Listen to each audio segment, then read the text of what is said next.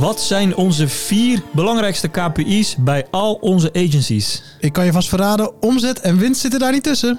Mijn naam is Alain Ik ben Fabian. en je luistert naar de Digitaal Bijpraten podcast.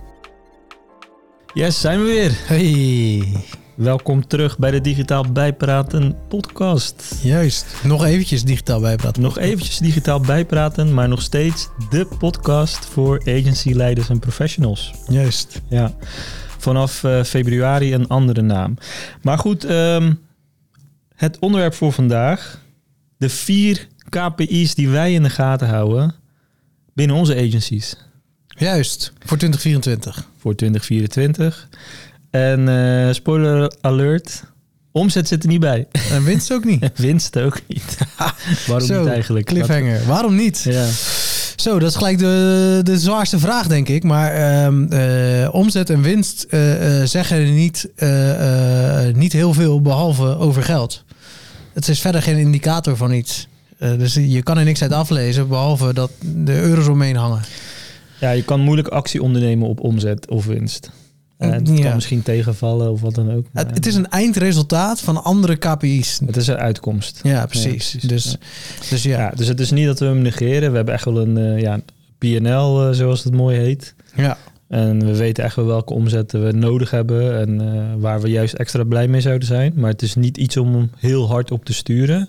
Nee. Eh, het is meer een gevolg van de KPI, deze vier die we gaan benoemen. Ja. Eh, daar het gevolg van zou die omzet moeten zijn. Z- eh, Er zou genoeg omzet moeten zijn en eh, ook nog een, een, een leuke winst die er overblijft. Oké, oké.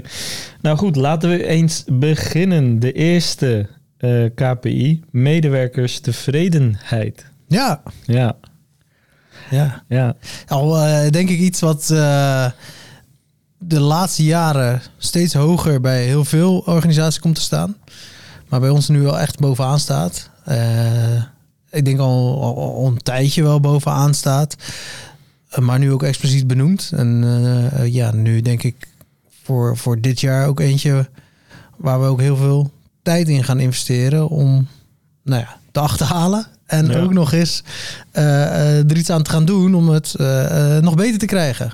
Ja, precies. Want ja, in alle eerlijkheid, wij hebben dit nooit echt, eh, ja, laat ik zeggen, cijfermatig feitelijk gemeten. We hebben het altijd gedaan door echt één op één gesprekken te voeren en goed Ja. aan te voelen wat er zeg maar gebeurt bij een individu of bij een groep of in het gehele eh, bedrijf, zeg maar. Ja, ja. Eh, maar om nou te zeggen, we hebben een, altijd een KPI met een cijfer gehad, dat, dat, dat, dat is natuurlijk niet. Dat hoeft ook niet, hè, als je het gaat meten, denk ik. Want als je een team van zeven of acht bent, dan is het nog redelijk overzichtelijk. Maar ja, dan hoef je niet per se een, een KPI als in een, een, een, een statistiek zeg maar naar voren te halen. Want dan kan je het in basis van, een, eh, van gesprekken en gevoel eh, doen. Al Ja. moet ik zeggen, bij onze organisatie zijn wel hier en daar ja, wat kleine pogingjes gedaan om een, een soort van cijfer te achterhalen. Dus ja. Eh, ik, ik zou, we doen onszelf tekort door te zeggen, er is nooit iets mee gedaan wat dat betreft. Maar ja, we zien nu pas dat we het vele malen professioneler gaan aanpakken. En ook veel eh, neutraler, om het zo maar even eh, te zeggen. ja. Want ja, misschien is dat ook wel de fase waar we in zitten. En ook, je begon al een beetje in de fases waar je als bureau zit en wat je dan kan doen om dit eh, te meten. Ja, Met gewoon, ja, super simpel. Ben je met z'n vijf, zes, zeven, wat je net noemde, de gesprekken. ja. Moet, je- moet je dan nog meer doen dan dat? Nou, ik denk dat het, eh, in mijn ervaring hoor, is het belangrijk om echt eh, één op één gesprekken te hebben. Ik vind dat ook het meest kwalitatieve vorm. Maar als je op een gegeven moment met 50 of 100 mensen zit, is dat heel moeilijk om dat één op één te blijven doen. Ehm, maar eh, ik denk wat, wat belangrijk is, is dat je wat je uit die gesprekken had, dat je dat wel terug laat komen. Ja, terugkoppelt. terugkoppelt, dat is één, maar dat er daarna ook iets gezien wordt hè, door, eh, door je teamleden, dat je er iets mee doet. Precies. Ja, Dus en als je er niks mee doet, dat ze ook begrijpen waarom je er niks mee doet. Precies. Want anders eh, eh, heb je twee of drie van dat soort gesprekken. Dan, ja, na, de vier, na zo'n derde gesprek en je hebt nooit ergens iets mee gedaan, zichtbaar. Ja, dan, dan hoeft het bij zo'n medewerker ook niet meer, zeg maar. Nee, nee ja, he- helemaal, helemaal mee eens. Dus ik denk bij kleintjes dat je Je moet altijd trouwens met, met, met, met de input iets doen. Als je alleen maar input ophaalt om het, om het te weten, well ja, dan heb je er net zo goed niks aan. Want je moet Ja. iets met die input doen, analyseren en tot een plan komen om daar iets anders van te maken. Of iets beters, of iets leukers, of iets verders. Ja. En dat is denk ik wel sowieso belangrijk. Maar als kleine organisatie zie ik wel één groot gevaar bij als je het puur bij gesprekken houdt. Eh, en dat geldt voor, voor alle organisaties, denk ik. Voor alle agencies. Ehm, er zijn mensen die het moeilijk vinden om in een één op één gesprek goed te uiten wat ze bedoelen. Omdat het ook vaak een gesprek is. En dus de gesprekspartner gaat ook weer terugsturen en Ja. gaat jou beïnvloeden, eh, bewust of onbewust. En daardoor is de uitkomst nooit helemaal zuiver wat die persoon misschien bedoelde. Dus kan het altijd nog interessant zijn, op een hele simpele wijze, eh, alsnog iets cijfermatigs of, of, of simpele vragen eh, te onderbouwen. Ehm, Door, en je bedoelt een, eh, een cat-achtig iets of zo. ja, gewoon een Google Form of een eh Survey Monkey heb je tegenwoordig. Eh, dat soort, ja, gewoon simpele formuliertjes bouwen, mensen in laten vullen en daar komen gegevens uit. Ja. En dat kunnen ja, vaste cijfers zijn of, of beoordelingen, maar het kan ook inderdaad gewoon textuele input zijn die, waar je ook iets mee kan doen. Maar dat is denk ik nog steeds wel interessant om dan misschien één keer per jaar of zo te doen. En dan proberen of je daar ook anonimiteit mee kan meenemen. Want dat is natuurlijk nog een tweede stukje. Ja, durft iemand het achterste van zijn tong te laten zien? Dat Ja. is denk ik ook nog wel een... eh, Ja, dat is natuurlijk gevoelig. Zeker als je in een wat kleinere groepje bent. Eh, ja, dan voel je je toch een beetje eh, kwetsbaar misschien. ja, Hè? Om iets aan te geven waar je je niet helemaal bij vertrouwd voelt. ja. Ja, Nou, zeker, zeker. Ja, dus ik, ik denk dat dat altijd verstandig is om te overwegen. Ja. En, eh, eh, ja, dat, dat, en dat is, hebben we dus ook in het verleden wel gedaan. Eh, dat er wel zoiets is uitgestuurd over ja, hoe denk je als, als medewerker over de situatie, over het bedrijf, over jouw rol. Ja, ik denk dat dat een- goede is om, om in ieder geval mee te nemen. Dat je, de, dat je toch iets kleins doet naast de kwalitatieve gesprekken die je gewoon moet hebben. Waarin je ook echt ja, eh, wat dieper erop door kan gaan en inhoud kan ophalen. ja. Oké, nou we hebben eigenlijk tw- twee eh, methodes eh, nu besproken. hè. Dus dat is ja, zeg maar een, een basic survey die je zelf Mhm. opzet. En of gewoon een, een goed gesprek. Juist. Die kun je combineren of apart van elkaar doen. Maar er zijn ook wat tools die dit faciliteren. Ja, zeker. Steeds meer zijn er trouwens. Eh, dat is trouwens sowieso in heel de wereld toe komen tools en, en, en, en software komen uit alle hoeken en gaten spuwen eh, die je overal op kan toepassen. Ook als agency zijnde. Soms word ik er zelfs wel helemaal gek van wat, wat is er allemaal wel niet mogelijk en hoe hou ik het allemaal bij. Maar op dit gebied zijn er ook een aantal die wel interessant zijn. Een daarvan is een Nederlandse start-up. Ja. Noon. Noon, inderdaad. Noon. N-O-N-N. Nee, N-O-O-N, sorry. Ja, anders was een non. dus Noon, hè? N-O-O-N. Juist, oké. ja. En daarmee kan je dus instellen dat mensen eh, ehm, met regelmaat eh, eh, kunnen invullen hoe ze zich voelen in allerlei gebieden en velden. Maar ook gewoon om cijfers vragen. En dat kan je helemaal ja, configureren naar hoe jij dat als organisatie graag zou willen meten. Ja, ja Noon eh, houdt het heel laagdrempelig door eh, ja, op bepaalde momenten eh, op een dag, niet dagelijks natuurlijk, maar op bepaalde momenten naar medewerkers gewoon één vraag te stellen. Juist. Ehm, Krijg je gewoon in de mail of op mijn app. via Slack. Via Slack, kijk. Via Slack, ja. Dus ehm, ja, ze hebben volgens mij nog meer integraties hoor. Eh, maar het is dus daardoor heel laagdrempelig. Je hoeft niet hele, hele lange dingen in te vullen. Het is gewoon ja, nee of, eh, of een kort antwoord. En dat wordt dan in een dashboard verzameld eh, met mogelijke verbeterpunten voor het management, even zo gezegd. Dat maakt Noon wel interessant. Ja, precies. Dus ze hebben een soort voorgedefinieerde presets-achtige eh, die je kan kiezen. En dan gaan ze op basis daarvan Ja, eh, je medewerkers eh, met, met regelmaat Ja. kleine verzoekjes doen. Waarop je langzaam meer inzicht krijgt en dingen gaat meten. Ja, ja. Het, de andere kant van zoiets als Noon is, is dat het ja, niet in de breedte alles meepikt. Dus het gaat denk ik met name in op ja, hoe zou ik het kunnen omschrijven? Het moraal Mhm. en het gevoel van de medewerker.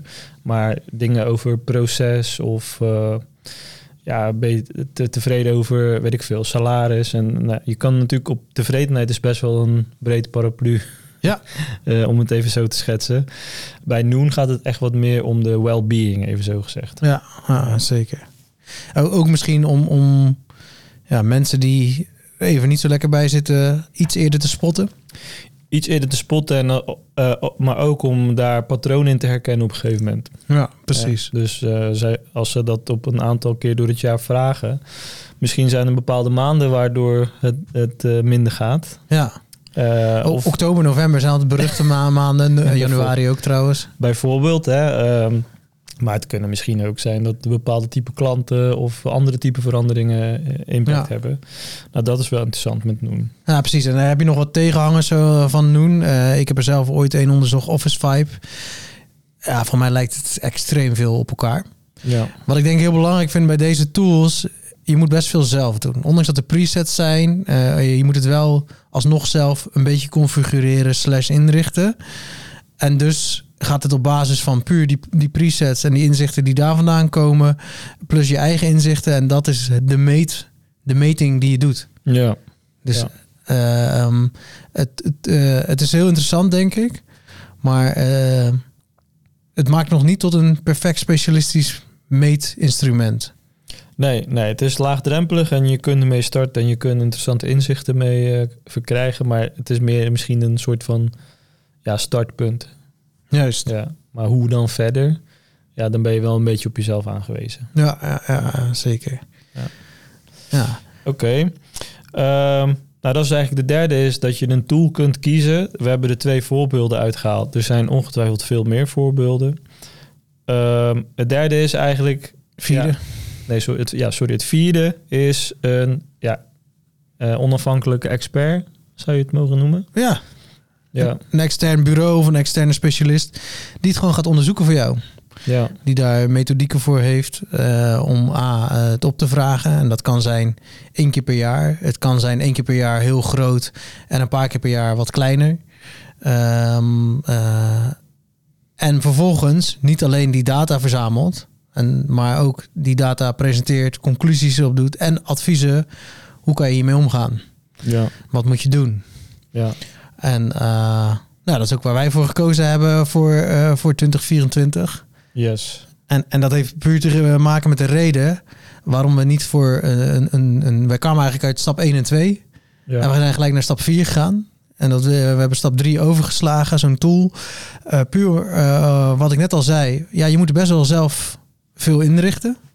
Je moet daar, en je moet ook zelf je conclusies gaan maken. Terwijl dit best wel een belangrijk gebied is. Waar je toch wel een externe expert eh, zijn of haar licht op wil laten werpen. ja, het maakt het misschien net ook wat eh, objectiever Ja, in, ook eh, zeker. in de vraagstelling al richting medewerkers zou het al kunnen schelen. En hoe stel je die vraag überhaupt? Ja, zo'n expert mag ik dan hopen, die, die heeft daar net wat meer zicht op dan dat jij hebt. Zeker. Zeker. Eh, dus dat, dat zijn dingen die helpen. Maar het is overigens geen goed of fout. Hè. Ik denk dat het heel erg afhangt van de, eh, het stadium waar je als agency in zit. Ben je met z'n vieren, ja, dan heeft het helemaal geen zin, joh. Dan moet je gewoon lekker één op één gesprekken gaan voeren. En eh, dan, als je dat dan niet aanvoelt, heb je gewoon een, überhaupt een probleem als leider, even zo gezegd. ja. ja. Ben je met z'n 10 en 15, kun je misschien naar een volgende stap gaan. Eh, ben je met z'n 20, kun je weer naar een volgende stap gaan. Ja, wij zitten inmiddels eh, volgens mij boven de 40 Ruim. eh, als groep zijnde. En dat zijn dan ook nog verdeeld over verschillende type agencies. Precies. Dus voor ons is het juist heel goed om dat gebundeld te doen waarin we een stukje begeleiding krijgen. Ja, zeker, zeker. Gaan we nog even in op bij wie we dat gekozen hebben? Ja. Even heel snel. Ja, want eh, we hebben gekozen voor Great Place to Work. Ja, Ehm, vooral bekend van het feit dat je het stempel Great Place to Work krijgt. Eh, eh, nou, dat heeft mij zowel, eh, daardoor zijn ze wel bij mij in beeld gekomen. Maar ik heb, wij hebben uiteindelijk niet voor ze gekozen om, om, om die reden. Zij hebben echt een expert eh, netwerk erachter dat heel erg gericht is op hoe doe je een medewerkers tevredenheidsonderzoek. En zij richten dat dus ook helemaal in. Zij doen het ook, dus ze zijn daardoor ook objectief, inderdaad. Uh, maar ze weten ook van wat zijn nou belangrijke zaken om, om, om te meten. Uh, wat je net al noemde, zijn ja, medewerkerstevredenheid kan alle kanten op gaan. Maar uh, zij hebben juist zij hebben vier specifieke richtingen waarin ze meten hoe tevreden is. En je krijgt dus ook als hoge overorganisatie, dus wij als Hurt krijgen hoe doen jullie het in zijn algemeenheid? Maar we zien het ook per bureau. En dan kunnen we dus ook zien waar wijkt het ene bureau af van het ander. En krijgen dus ook per bureau een, een, een advies van oké, hey, bij jullie zit het wat meer daar. Je zou met deze dingen aan de slag moeten zijn. En dit is een advies om, uh, om verder te komen. Waardoor wij een beetje ja, de, vluchten, de vruchten van beide kanten plukken. Uh, dat we uh, het op bureauniveau weten, maar ook als groep weten hoe het in elkaar zit. En dat is denk ik ook het voordeel van dat we nu een groep zijn. Daardoor kan je ook zo'n grote organisatie als dit, want het is wel een wereldwijde organisatie, Great Place to Work, um, aansluiten. Ja. ja, dat kunnen we nu gezamenlijk doen. En dat is nu ook betaalbaar met z'n allen. Uh, want dat is denk ik ook wel uh, veel mensen die denken, ja, leuk zo'n uh, onderzoek, maar het kost ook behoorlijk wat. Dat is zeker waar. Het is echt niet, niet gratis, maar het is wel, ja, het is onze belangrijkste KPI, dus waarom zouden we er ook niet op, op investeren? Ja, precies. Dus voor dit jaar gaan we dit in place zetten en dan ja. vanaf, ja, vanaf dit jaar ook eigenlijk ieder eigenlijk ieder jaar weer een, uh, een... Eén keer per jaar een groot stuk en, uh, en, uh, en, en uit mijn hoofd, maar ik kan me vergissen, nog twee keer per jaar daarnaast een klein momentje om in te checken. Dus okay. een grote questionnaire versus een kleine en die wordt verzorgd door, door hun. Oké, nou ik uh, kijk er naar uit. Zeker, zeker. En je kan dus alsnog, en dat is misschien ook wel leuk, je krijgt dus als je een bepaald cijfer, volgens mij boven de 7,5, wat ik niet heel ambitieus vind, uh, haalt. En dan krijg je dus het uh, vignet Great Place to Work. En dan is er ook nog eens een, een top 10 per, per jaar, per land per categorie. dus je kan in Nederland onder multinationals, grote, middelgrote en kleine bedrijven uh, uh, een top 10 plaats verdienen. Maar het is wel leuk. Ja, ja, is altijd leuk. Ja. Altijd leuk om zo'n prijsje te pakken. Juist. Oké, okay. gaan we naar uh, KPI nummer 2. Juist. En dat is klantentevredenheid. Ja. ja denk wel, uh, ja, nou ja, misschien hadden mensen hem niet gelijk verwacht, maar het is, het is, het is die andere kant, hè? Ja. Van, uh, ja, we, we, doen het met, uh, met het team en je doet het voor de klant en met de klant. ja, dus die moet ook wel een beetje blij zijn. Ja, ja en, en daar, daar zijn ook verschillende methodieken in natuurlijk. Um, laten we ze eens even langs gaan. Ik heb hier een paar dingen opgeschreven en dan kunnen we ze daarna even per stuk behandelen. Uh, je hebt natuurlijk uh, de NPS-methode. ja. Uh, voor degenen die het niet kennen, de Net Promoter Score, als ik het goed zeg. Volgens mij wel. Ik ben hier ook niet de grootste expert in hoor. Maar, um, en ja, de belangrijkste vraag, dat zijn volgens mij een paar vragen, maar de belangrijk, ja, het komt erop neer uh, dat de vraag gesteld wordt: in hoeverre zou je ons als klant aanbevelen bij iemand anders? Exact. Uh, en dat is een beetje het principe erachter. Uh, dat dat een juiste meetgraad is of je het goed doet of niet. Precies. En dan als je dus 100 klanten vraagt en 88 zeggen ja, zou ik doen, zou je jezelf een 8,8 kunnen geven. ja, als je hem heel plat slaat, is dat een NPS. Ja. Nou, en een NPS, daar zijn genoeg templates van te vinden, dus die zou je vrij eenvoudig uh, kunnen oppikken en uh, mee aan de slag kunnen. Um, je kunt ook jezelf aanmelden bij platformen zoals Fonk 500 of Immers. Ja. Uh, dus dat is volgens mij wel tegen betaling, weet ik niet zeker. Fonk 150 is tegen betaling inderdaad. Ja. Dan zeg je gewoon, ik doe mee met het onderzoek. dan gaan zij nou, de klanten die jij opgeeft, uh, dat is wel een heel belangrijke. de klanten die jij aangeeft, die gaan zij uh, meten. Ja. Uh, volgens mij echt met een aantal simpele vragen. En uh, daar komt dan een cijfer uit. Um, wat wel belangrijk daarbij is, zij kiezen dan vervolgens de 150 beste agencies die daaruit komen. En die krijgen een award van je behoort tot de 150 beste. Uh, de anderen krijgen wel gewoon netjes een beoordeling, maar dan zit je niet bij de 150 beste. Maar dat is denk ik ook de reden waarom het in onze ogen niet altijd even betrouwbaar is. Omdat veel mensen gewoon graag daar in dat rijtje terecht willen komen. En dus gaan cherrypicken welke klanten ze uh, gaan vragen. En zelfs die klanten een beetje beïnvloeden van... hey, we zouden het erg tof vinden als je ons een mooie 10 geeft, want dan maken we kans op. Ja, dat is natuurlijk wel een zware beïnvloeding en zorgt er niet voor dat het helemaal loopzuiver is. Wat ja, je, klanttevredenheid is. Je doel is anders. Je doel is om dan, eigenlijk is het een marketinginstrument en niet zozeer een leerinstrument om jezelf te verbeteren. Exact. dus dat is wel een valkuil met die. Uh, reviews verzamelen kan natuurlijk ook. Uh, Dat is al eigenlijk een beetje hetzelfde principe. Uh, reviews verzamel je meer ook voor je marketing dan, dan dat je er daadwerkelijk iets mee zult gaan doen. Ja. dus daar ligt echt wel een valkuil, maar het kan wel. ook hier kan je natuurlijk externe bureaus in, voor inhuren. Ja. Wij uh, hebben die niet op het uh, oog, dus uh, helaas moeten we die nog. die stap hebben we nog niet genomen. We terwijl we vinden het wel heel belangrijk. We hebben natuurlijk wel iets in place om, om te meten waar, waar jij mee bezig bent op dit moment om het te implementeren voor 2024. Ja, wij, wij hebben een eigen manier. ik, ik heb een manier eigenlijk toegepast persoonlijk. Die noem ik zelf de vlieg op de muur. en dat is eigenlijk als je uh, zeg maar uh, gewoon bij uh, presentaties of kick-offs of wat, je gaat er gewoon bij zitten terwijl je er niet per se betrokken bent bij dat project. Puur om te kijken van hoe, hoe pakt mijn team dit nou aan? Hoe reageert de klant? Waar zie ik dat de kansen worden gemist? Dus het is denk ik sowieso goed.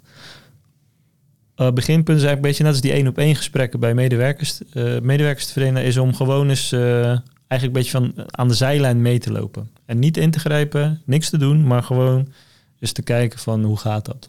Precies. En op basis daarvan zul je zien dat je best veel dingen kunt oppikken van oeh ja, uh, gemiste kans of uh, niet handig uh, gecommuniceerd of ik zie dat de klant geïrriteerd reageert. Waarschijnlijk komt het daardoor. Dan kan je best wel dingen uitpikken. Ja. Maar dat, op hoge schaal kan dat natuurlijk niet. Nou, precies. Gewoon observatie dus eigenlijk. Ja. Uh, En, en wat je net al noemde, uh, de medewerkersgesprekken waar we het over hadden. Je kan ook gewoon je klantgesprekken hebben natuurlijk. Ja. En daarin ook uh, feedback ophalen. Ja. ja, en ik zou dan wel klanten kiezen. Um, ja, sowieso is dat al een ding. Welke klanten kies je? Maar ik zou, als ik het project zelf gedraaid heb, zou ik niet de, de evaluatie met die klant doen. Nee. Dat is, dat is, die klant gaat niet altijd open kunnen zijn daarvoor. Precies. Uh, dus zorg ervoor dat degene die het project draait, niet degene is die ook die evaluatie dan op dat moment doet. Dat, ja, dan krijg je waarschijnlijk iets eerlijkere, rauwere antwoorden. Ja, precies. Waar je uiteindelijk meer aan hebt. Waar je, waar je meer aan hebt, ja. Uh, zeker, zonder dat de relatie onder druk wordt gezet uh, op die wijze. Ja. Ja, oké. Okay. Nou, wij zijn nu uh, bezig uh, om een eigen proces in te richten. En uh, in 2025 denk ik dat we wel met een bureau gaan werken, net als voor het medewerkerstevredenheid. Maar voor dit jaar willen we eerst nog zelf aan de slag. En eigenlijk wat we gaan doen is bij de grotere gezamenlijke klanten, is gewoon één keer per kwartaal gezamenlijk zitten om te evalueren op het proces en de resultaten. Ja. Dus dat ben ik nu aan het optuigen.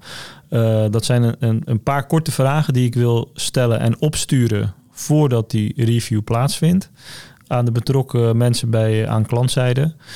Uh, maar dat doen we ook aan ons team. Dus eigenlijk geeft ons team de klant ook een cijfer. Want het is een samenwerking. Zeker bij de wat grotere klanten zul je dat wel zien. Uh, en je wil eigenlijk ook dat de klant bepaalde gedrag of houding heeft richting jou als bureau. Ja. En uh, ik denk, hè, dus het is uh, pure aanname, gaan we dit jaar doen. Door dat samen ook op te pakken en elkaar cijfer te geven. Dat je ook uh, eigenlijk meer in een samenwerking komt dan in een soort van beoordelingscyclus. Juist. Waarin je gewoon kan zeggen, nou we zien dat we hier net iets te laag scoren dan we zouden willen. Laten we op onderdeel A focussen voor het komende kwartaal. En welke actiepunten kunnen we dan nemen, beste klant? Eentje voor jou, eentje voor ons. Ja, nou, mooi. Ja.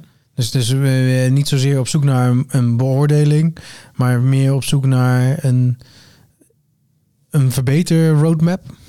Ja, ja, uiteindelijk moet je elkaar beter leren aanvoelen en begrijpen. En is het uh, ja, is toch een relatie ergens. En de ene klant vindt uh, A fijn en de andere klant vindt B fijn. Ja. ja dus ik denk dat zo'n route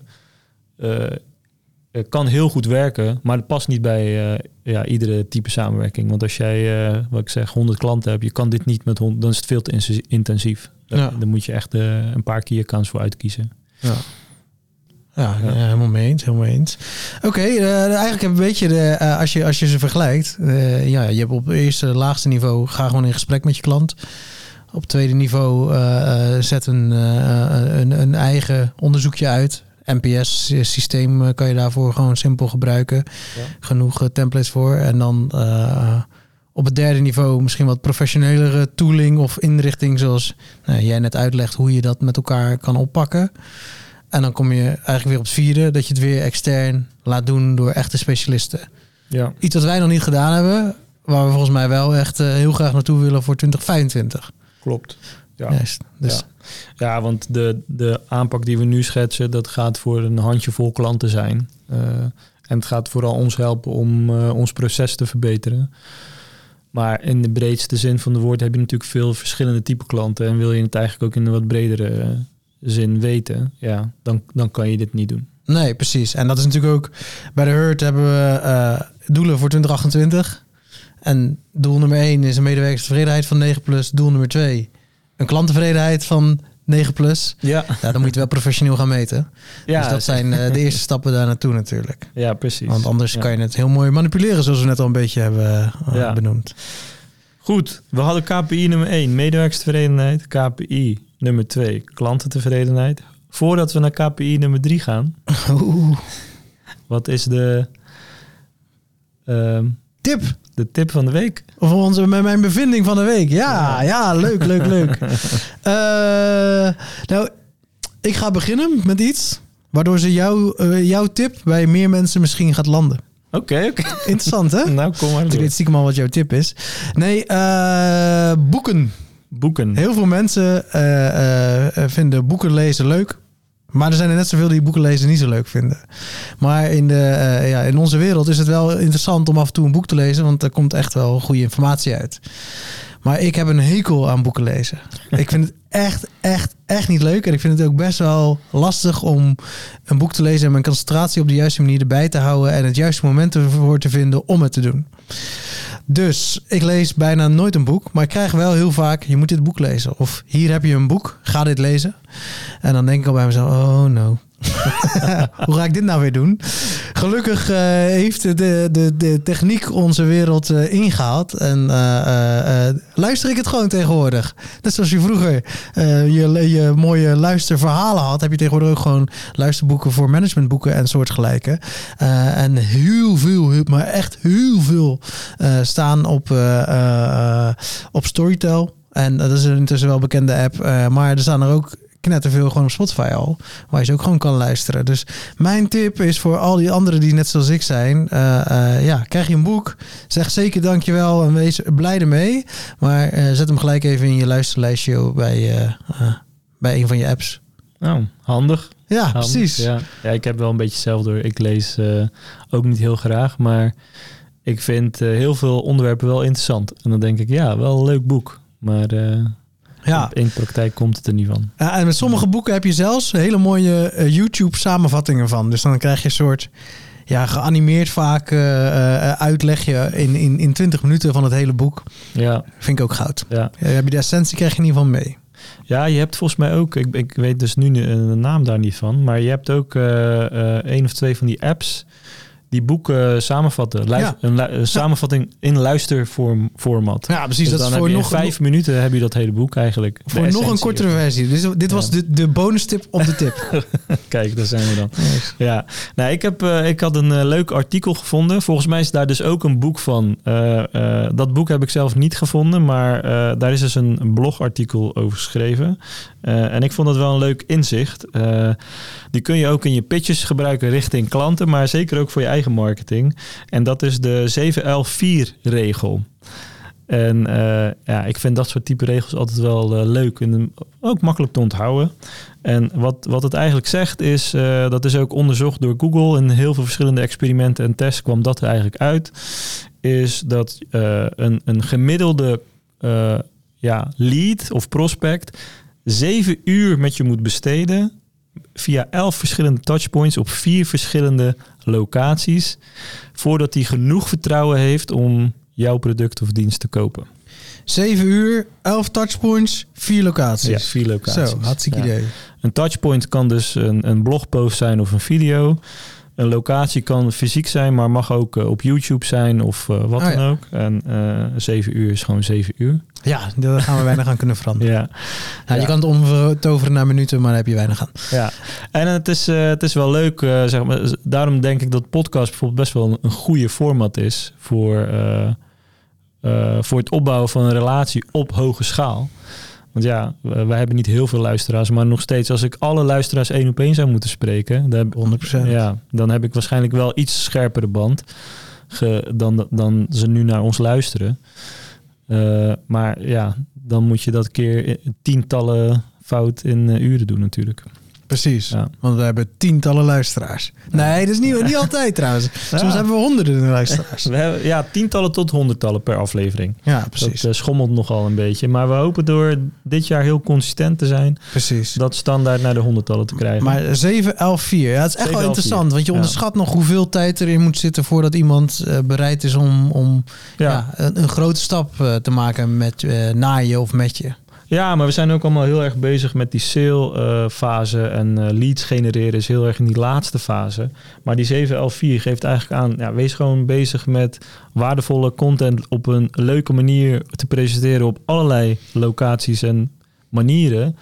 En dan komt die koop wel, joh. Ja. Dat is gewoon eigenlijk het al oude marketingprincipe gewoon weer even eh, wat bewuster gemaakt. eh. Ja, en, en ik denk dat het dus in je pitch, zeker als je bijvoorbeeld wat meer in de contenthoek zit, 7L4 kan denk ik heel goed werken om het over te brengen aan jouw klant van hey, vergeet nou even alleen maar die leads, want slechts, wat is het, 4, 5 procent van de markt is bezig om te kopen.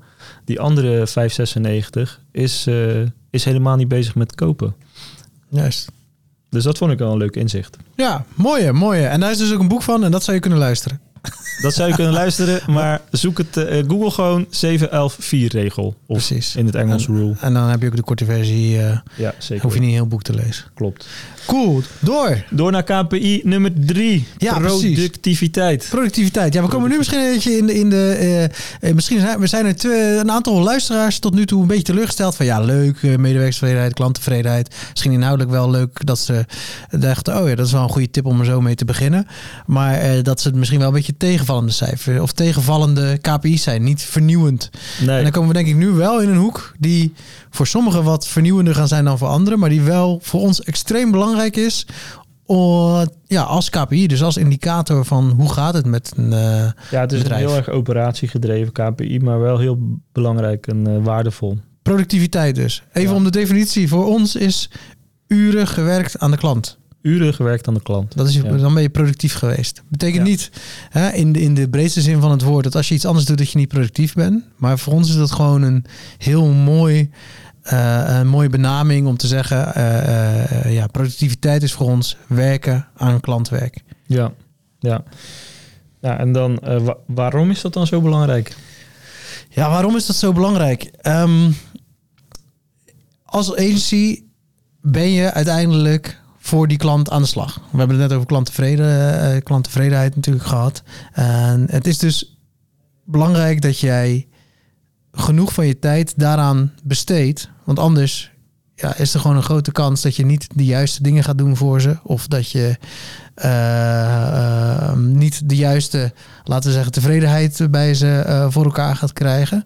Dus daarom is het per definitie gewoon een heel belangrijk iets.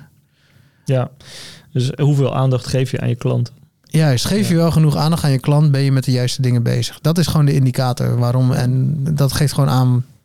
Ja, in We gaan goede principe, kant. hè, als, je, eh, als je mensen aan boord haalt in je team, eh, ga je ervan uit dat je dat doet omdat je je klanten meer of beter wil gaan bedienen. Juist. Ja, en als dan die productiviteit super laag is, waarom zou je dan in godsnaam nog iemand erbij halen? Even, hè? Dus dat zijn denk ik even praktische vertalingen hiervan. Zeker. Ehm, dus hoe, hoe zit het met je capaciteit? Ja, wordt je capaciteit op de juiste manier benut? Want we moeten niet onderschatten, ondanks dat de verdienmodellen totaal anders zijn, dat ieder bureau het net weer op een andere manier aanpakt. In basis blijven we een, eh, eh, in de dienstensector waarin je technisch gezien gewoon tijd wisselt voor geld. Dat is gewoon de essentie van het geheel.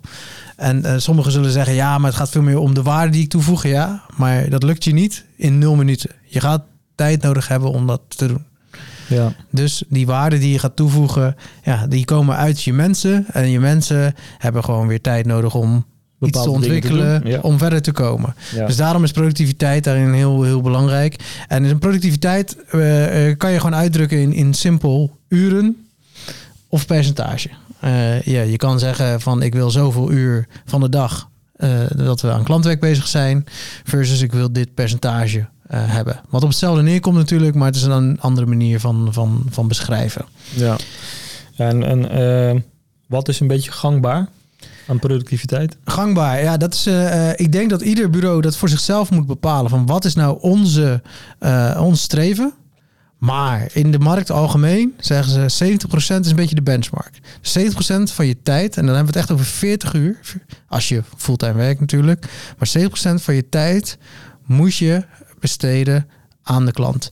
Ja. Dan zit je waarschijnlijk in een, in een goed gezond ritme. Nu weet ik ook dat er voorbeelden zijn van partijen die in de 80 zitten. Ja. Eh, eh, dat hoeft niet per se een slecht eh, iets te zijn of, een, of juist een heel goed iets te zijn. Het is, ze zijn zo ingericht om, om dat op die manier voor elkaar te krijgen. Ik ben wel van de school dat als je zegt, als je boven de 80 gaat, dan, dan vind ik het in een, in een gevarenzone komen. Eh, denk aan, aan de wereld van de burn-outs. eh, eh, en, maar denk ook, hoe realistisch is het dat jij dat op een goede manier doet? En ben je dan niet gewoon uren aan het schrijven waar die klant niet zoveel aan heeft? Dus let daar ook een beetje op. Van hey, lever je wel waarde? En eh, brengen we het team niet in gevaar? Dus dat is die, in mijn ogen, boven de 80 gaat daar gevaarlijk worden. Ja. En ga je onder de 65 duiken, dan ben je misschien weer te veel met niet de klant bezig. Dus met andere dingen. En waarom doe je dat? En ook daar zijn weer natuurlijk uitzonderingsgevallen. Ehm, want het gaat er uiteindelijk aan de, eh, onder de streep, komt het erop neer. Is je medewerkerstevredenheid en je klanttevredenheid heel hoog, dan is dat cijfer in principe niet zo heel erg. Tenzij het financiële gevolgen heeft. Dat is natuurlijk wel, daar komt de financiën stiekem toch even om de hoek kijken. Uh, want dat moet gewoon in orde zijn. Want anders, ja, uh, als je financieel niet gezond bent, dan stopt klant- en medewerkerstevredenheid automatisch, want je bestaat niet meer. Maar uh, even terug naar productiviteit. Ja, dat is een hele goede indicator. Zijn we met de juiste dingen bezig? En ik zou dus zeggen 70 gemiddeld om op te mikken, 65 ondergrens, 80 bovengrens. Nou, dan moet je daar wel een beetje in agency-land uh, landschap in, uh, in varen. En ja. uh, daar zullen vast mooie uitzonderingen bij, bij zitten. Maar ik denk dat dit voor het gros wel geldt. Ja, maar dat betekent ook uren bijhouden. 100%. Uren bijhouden, ja. Ja. En met uren bijhouden krijg je ook misschien wat, zeker voor de bureaus die dat nooit hebben gedaan of nooit doen. Ja, ja dat is wel een mindset switch natuurlijk. Ja, maar het is natuurlijk gek om, om de enige asset, wat ik net al zei, die je ruilt in, voor het geld, dat is je tijd. Ja. ja om die dan niet te meten, dat is, is, is heel gek. Is net zoals als een, als een, een taxichauffeur die niet meet hoe ver die aan het rijden is. Ja, dan weet je ook niet wat je moet afrekenen. Ja. Ja, zo, zo werkt het heel simpel in deze landschap ja. ook. Nee, maar ik denk dat uh, uh, misschien uh, luisteraars die nu luisteren en dit niet meten, ook misschien met het oogpunt van ik wil mijn mensen niet controleren. Of het gaat niet om ja, controleren. We zijn, we zijn toch geen urenfabriek, want ik reken toch gewoon een fixed price. Ja, zeker. Nee, het, het verdienenmodel maakt op zich niet uit. Ja. Als jij een fixed price, die zegt uh, we doen uh, deze opdracht 10.000 uh, 10.000 euro, dan gaan we dit gewoon voor leveren. Ja, dat is, dat is gewoon dat is helemaal goed. Dat mag helemaal omschreven zijn in, in, in een helemaal vastgetimmerde scope of in een uh, binnen drie weken leveren we ongeveer dit. Ja. dat maakt op zich niet uit. Aan het einde wil je wel weten, oké, okay, hoeveel van mijn capaciteit heb ik geallockeerd aan dit project? en ik heb er 10.000 euro voor gekregen, dan moet je ergens een, een, een, een, iets uit gaan halen. Dus als je weet, nou, voor die 10.000 euro heb ik uh, 100 uur uh, heb ik besteed met mijn team. Ja, dan heb je een goed inzicht van oké, okay, hey, je hebt waarschijnlijk 100 euro per uur verdiend. En dat is uh, eentje waar we zo even op terug gaan komen. Maar je weet dus ook wat je hebt verdiend, omdat je ook weet hoeveel tijd je eraan gespendeerd hebt. Dus hoeveel van je capaciteit je kwijt bent geraakt. Want je weet ook, ik heb een workforce van 2000 uur per maand. Ja. Ja, en dan heb ik dus, ik, ik heb eh, eh, 5% dus aan dit project toegewezen. Je kan dus planningen gaan maken, je kan dus gaan opletten eh, eh, wat er gebeurt. Om te zorgen dat er aan de juiste dingen wordt besteed. Ja, ja en eh, ehm, je, je kan daarop ook je forecasting doen. Want op basis Precies. van de capaciteit die je hebt met het eh, gewenste, dan wel verwachte uurtarief wat je gaat realiseren, kun je zeggen, ik, als wij maximaal gevuld zijn, dan gaan wij eh, aan omzet doen, productiviteit keer waarschijnlijk uurtarief. Kunnen wij dit omzetten in deze maand? Ja, dan komt automatisch uit te rollen. Ja, Dus dan kan je nog zoveel meer verkopen als dat je wil. Je kan het toch niet wegzetten. ja, Want ja, blijkbaar heb je dit ervoor nodig, deze tijd, om dat te Ja. leveren. Dus vandaar dat het zo, zo belangrijk is om te meten. En dus, eh, eh, maar ook gewoon inzicht te krijgen in... Oké, als we dus niet aan de klant zitten, wat ook dus veel gebeurt. Want ik zei net al, 70% is de benchmark, dus 30% eh, eh, ben je niet aan de klant bezig. En dan, eh, ja, dan denken we altijd, ja, 30% klinkt niet als heel veel. Maar nou, reken maar op een werkdag van 8 uur. dat is anderhalf dag per week als je fulltime werkt. Als je een anderhalf dag per week, als je op, op dagbasis doet, twee en een half, twee en een half uur per dag ongeveer, ben jij niet met de klant bezig. Ben je dus andere dingen aan het doen. Nou, wat ben je dan precies aan het doen? Ehm, want je hebt waarschijnlijk ook nog wat andere doelen met jezelf. Eh, persoonlijke ontwikkeling, eh, teamontwikkeling, stukje fun, stukje eh, relaxing om, om, om, om ja, mentaal gezond te blijven. Ja, dan moet je wel weten, heb ik wel die 2,5 uur? Besteed ik die ook wel goed? Of gaat er stiekem toch 2,3 uur in fun en niet zoveel meer in die persoonlijke ontwikkeling of in die creatieve sessies die we met elkaar zouden doen? Ja, en dan zetten mensen, ja, maar dat is toch controle? Nee, dat is geen controle, dat is inzicht. Ja. En, en, eh, eh, Maar dat is hoe je ermee omgaat als leider. natuurlijk. Precies, precies. En, en dat is denk ik heel belangrijk. Eh, en, en ik persoonlijk heb wel mensen die heel hard schreeuwen van... Maar ik wil niet gecontroleerd worden. Die hebben ook vaak een heel klein beetje iets te verbergen. Of die willen heel, eh, niet graag met de feiten geconfronteerd worden. dat is gewoon ook wel een, eh, een ervaring die ik daarin heb. Dus dat durf ik wel eh, eh, te zeggen. Eh, als mensen, eh, als het hele team keihard gaat schreeuwen, waarom schreeuwen ze zo hard? Terwijl je zegt, jullie gaan veel meer inzicht in je leven krijgen. Ja. Is gek, toch? dus Ja. daar zit Ja, ook is, wat. eh, als, je, als je hiermee begint, is het denk ik wel goed om, eh, eh, om dat te doen vanuit een eh, oogpunt van coaching en inzicht te krijgen. En Ja. eh, echt weg te proberen te blijven uit de controlehoek. ja, Eh, want dat, dat vindt natuurlijk niemand fijn. Het is, ook, het is ook absoluut geen controlemechanisme. Maar het geeft je gewoon inzicht in wat er gebeurt. Je kunt hierdoor eh, ook veel gerichter met een medewerker aan de slag. Om te zeggen, hé, hey, maar we zien echt dat je veel te veel tijd besteedt aan dit soort type projecten. Laten we eens onderzoeken hoe jij dat aanpakt. Neem eens even mee in jouw aanpak. In plaats van dat je gaat zeggen, eh, je besteedt te veel tijd, dus je presteert niet goed. En daardoor eh, mag je dit soort projecten niet meer doen. Eh, dus kies de juiste nuance van het gesprek daarin, zou ik zeggen. En stel gewoon huisregels op met elkaar. Eh, van oké, we willen gewoon iedere dag eh, acht uur op de trekker hebben staan. En daarvan mag eh, één uur gewoon ook onzin zijn. Want we weten Precies. dat we koffie moeten drinken en we een, een praatje pot gaan maken en we wat geintjes gaan uithalen. ja, En dat we misschien uit het raam moeten gaan kijken omdat we ons vervelen. voordat we dat ene idee krijgen. Dat, dat moet dan ook oké zijn. zeker, zeker. Dus laat je ook niet verleiden als leider... als je een keer bij iemand ziet eh, dat hij wat meer... eh, ik noem dat het shituurtjes uh, heeft uh, geschreven... om dan gelijk te zeggen... en je schrijft te veel daarvan. Nee, dat is niet zo. Want dan ben je dus die controlefunctie aan het doen. Begint het een patroon te worden, ja, dan is het wel iets om natuurlijk gewoon over te beginnen. Maar dat is ook gewoon hoe we werken met elkaar. Ja, we proberen een groepsprestatie neer te zetten. En dan moet je als individu uh, daar ook de juiste dingen bij doen. Maar als één iemand uh, uh, per dag drie shituurtjes schrijft, maar ook nog eens drie of vier uur op die klant schrijft, maar daarin altijd ruim binnen scope en binnen budget. En uh, ja, betekent dus dat hij zichzelf waarschijnlijk heel erg moet opladen om zieke prestatie daarna te leveren. Is dat ook oké? Okay? Ja, ja, iedereen werkt daarin net wat anders natuurlijk. Precies. Ja. Oké, okay, dat was het uh, productiviteitsstukje. Ja. Laatste KPI. Het is niet omzet. Het is geen winst. Zeker niet. Het is uurtarief. Juist. Daadwerkelijk uurtarief. Dat is wel Daadwerkelijk- even goed om eh, te, Daadwerkelijk afgerekende uurtarief. Ja, precies. ja. Want heel veel mensen zeggen, oh, mijn uurtarief is dit. Dat is nooit je uurtarief. Dat is meestal nooit je uurtarief.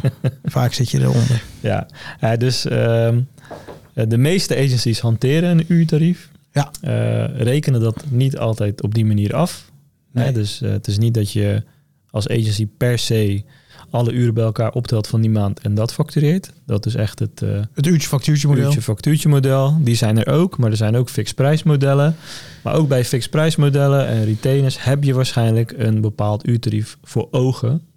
Precies. Ehm, en daar gaat dit om. Ja, dus als jij, eh, als jou even voor het gemak uurtarief 100 euro zou zijn, en je verkoopt iets voor 10.000 euro, dan heb je dus 100 uur ter beschikking voor, om dat te realiseren, om Precies. dat gewenste uurtarief te halen.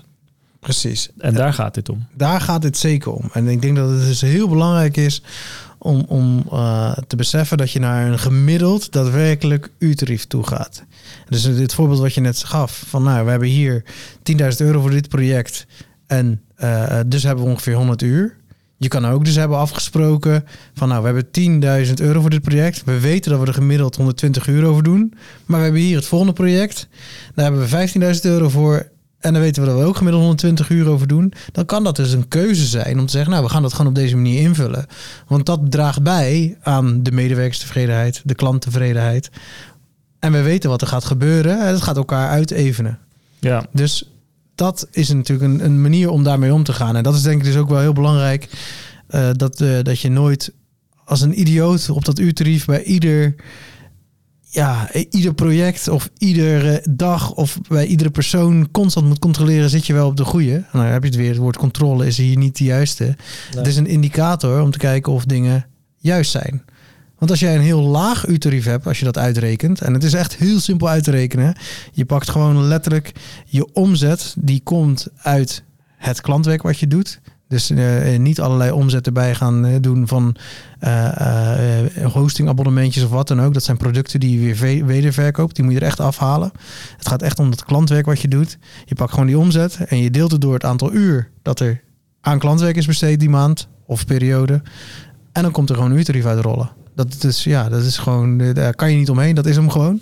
en in praktijk hè, ehm, is die, ik heb hem nog nooit meegemaakt dat die eh, gemiddeld hoger is dan wat je zou eh, invullen. Over een, over een lange periode nooit. Nee. Zo op een jaarbasis bijna nooit Dus dat betekent eigenlijk dat je altijd wel hè, gemiddeld genomen inlevert. inlevert op hetgeen wat je zou willen. Juist, En precies. dat is niet erg. Uitzonderingen weer daar gelaten, want ze zijn er vast.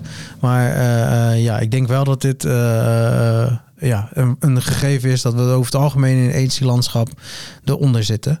En soms schrikbarend eronder. En daarom is het ook belangrijk om je, tijden, je tijd bij te houden. Want ja, je kan alleen maar je daadwerkelijk uurtarief weten als je ook je tijd hebt bijgehouden. Want dan weet je je, je omzet of je bruto bureauinkomen. En dat kan je dan delen door Ja. eh, je tijd. Ja, ja want als je, ehm, als je dit dus niet bijhoudt, dan, ja, dan kun je heel moeilijk sturen eh, of een project succesvol is. Juist. Financieel gezien. Ja. De klant kan heel erg blij zijn. Maar als dat de enige klant is die je die maand hebt kunnen doen, waardoor alle uren daar naartoe zijn gegaan en je hebt geen nieuwe projecten kunnen aannemen, ja, dan, dan red je het misschien niet als Nee. bureau. Nee, zeker niet.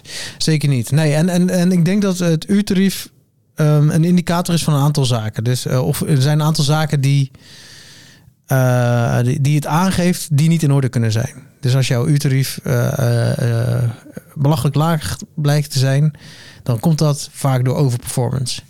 Je hebt veel meer tijd besteed dan dat je zou moeten aan die klant. Of dat je, dat je de, eh, dan dat je gebudgeteerd hebt. Of omdat zij er eh, bereid zijn voor te betalen. Ja, daar heb je dus veel te veel aan, aan aan besteed.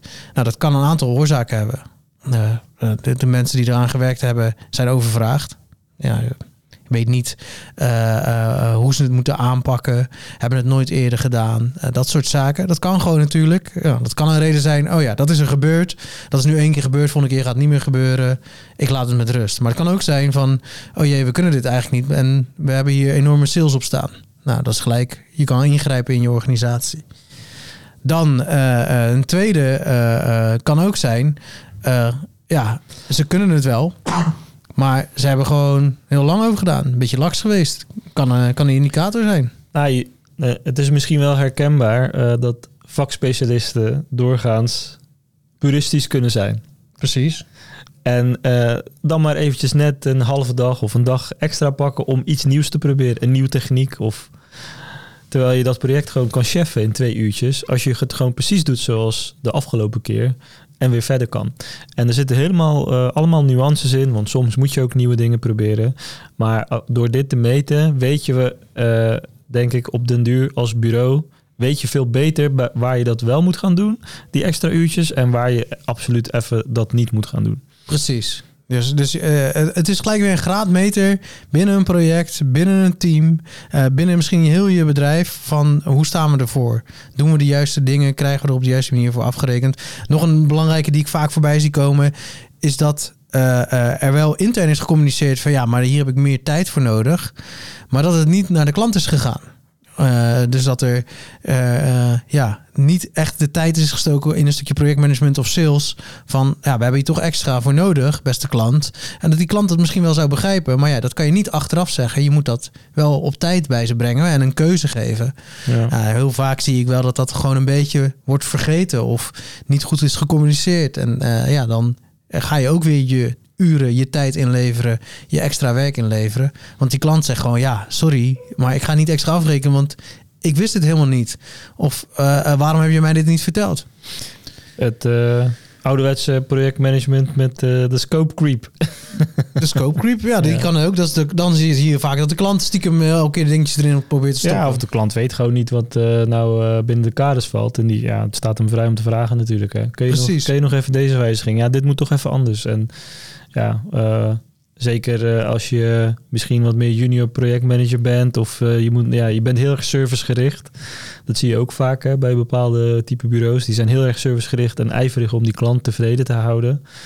Eh, maar dan eigenlijk ten koste van ja, het uurtarief in dit geval als voorbeeld. Precies, Ja, zeker. en daar zit wel een spanningsveld. Juist, ja, zeker. Ja. Dus dat is denk ik gewoon een hele belangrijke ook weer om op die manier, als je ziet, hé, hey, mijn uurtarief wijkt enorm af, eh, vaak dus naar beneden van wat ik eh, voor ogen had. Ja, dan moet je op zoek naar dit soort dingen in je organisatie om te kijken waar komt dit vandaan. Ja, Nog een eh, andere kant, hij kan natuurlijk ook naar boven afwijken. En als hij te heftig naar boven afwijkt, dan is de kans heel groot dat de klant veel te veel afrekent voor wat jij biedt.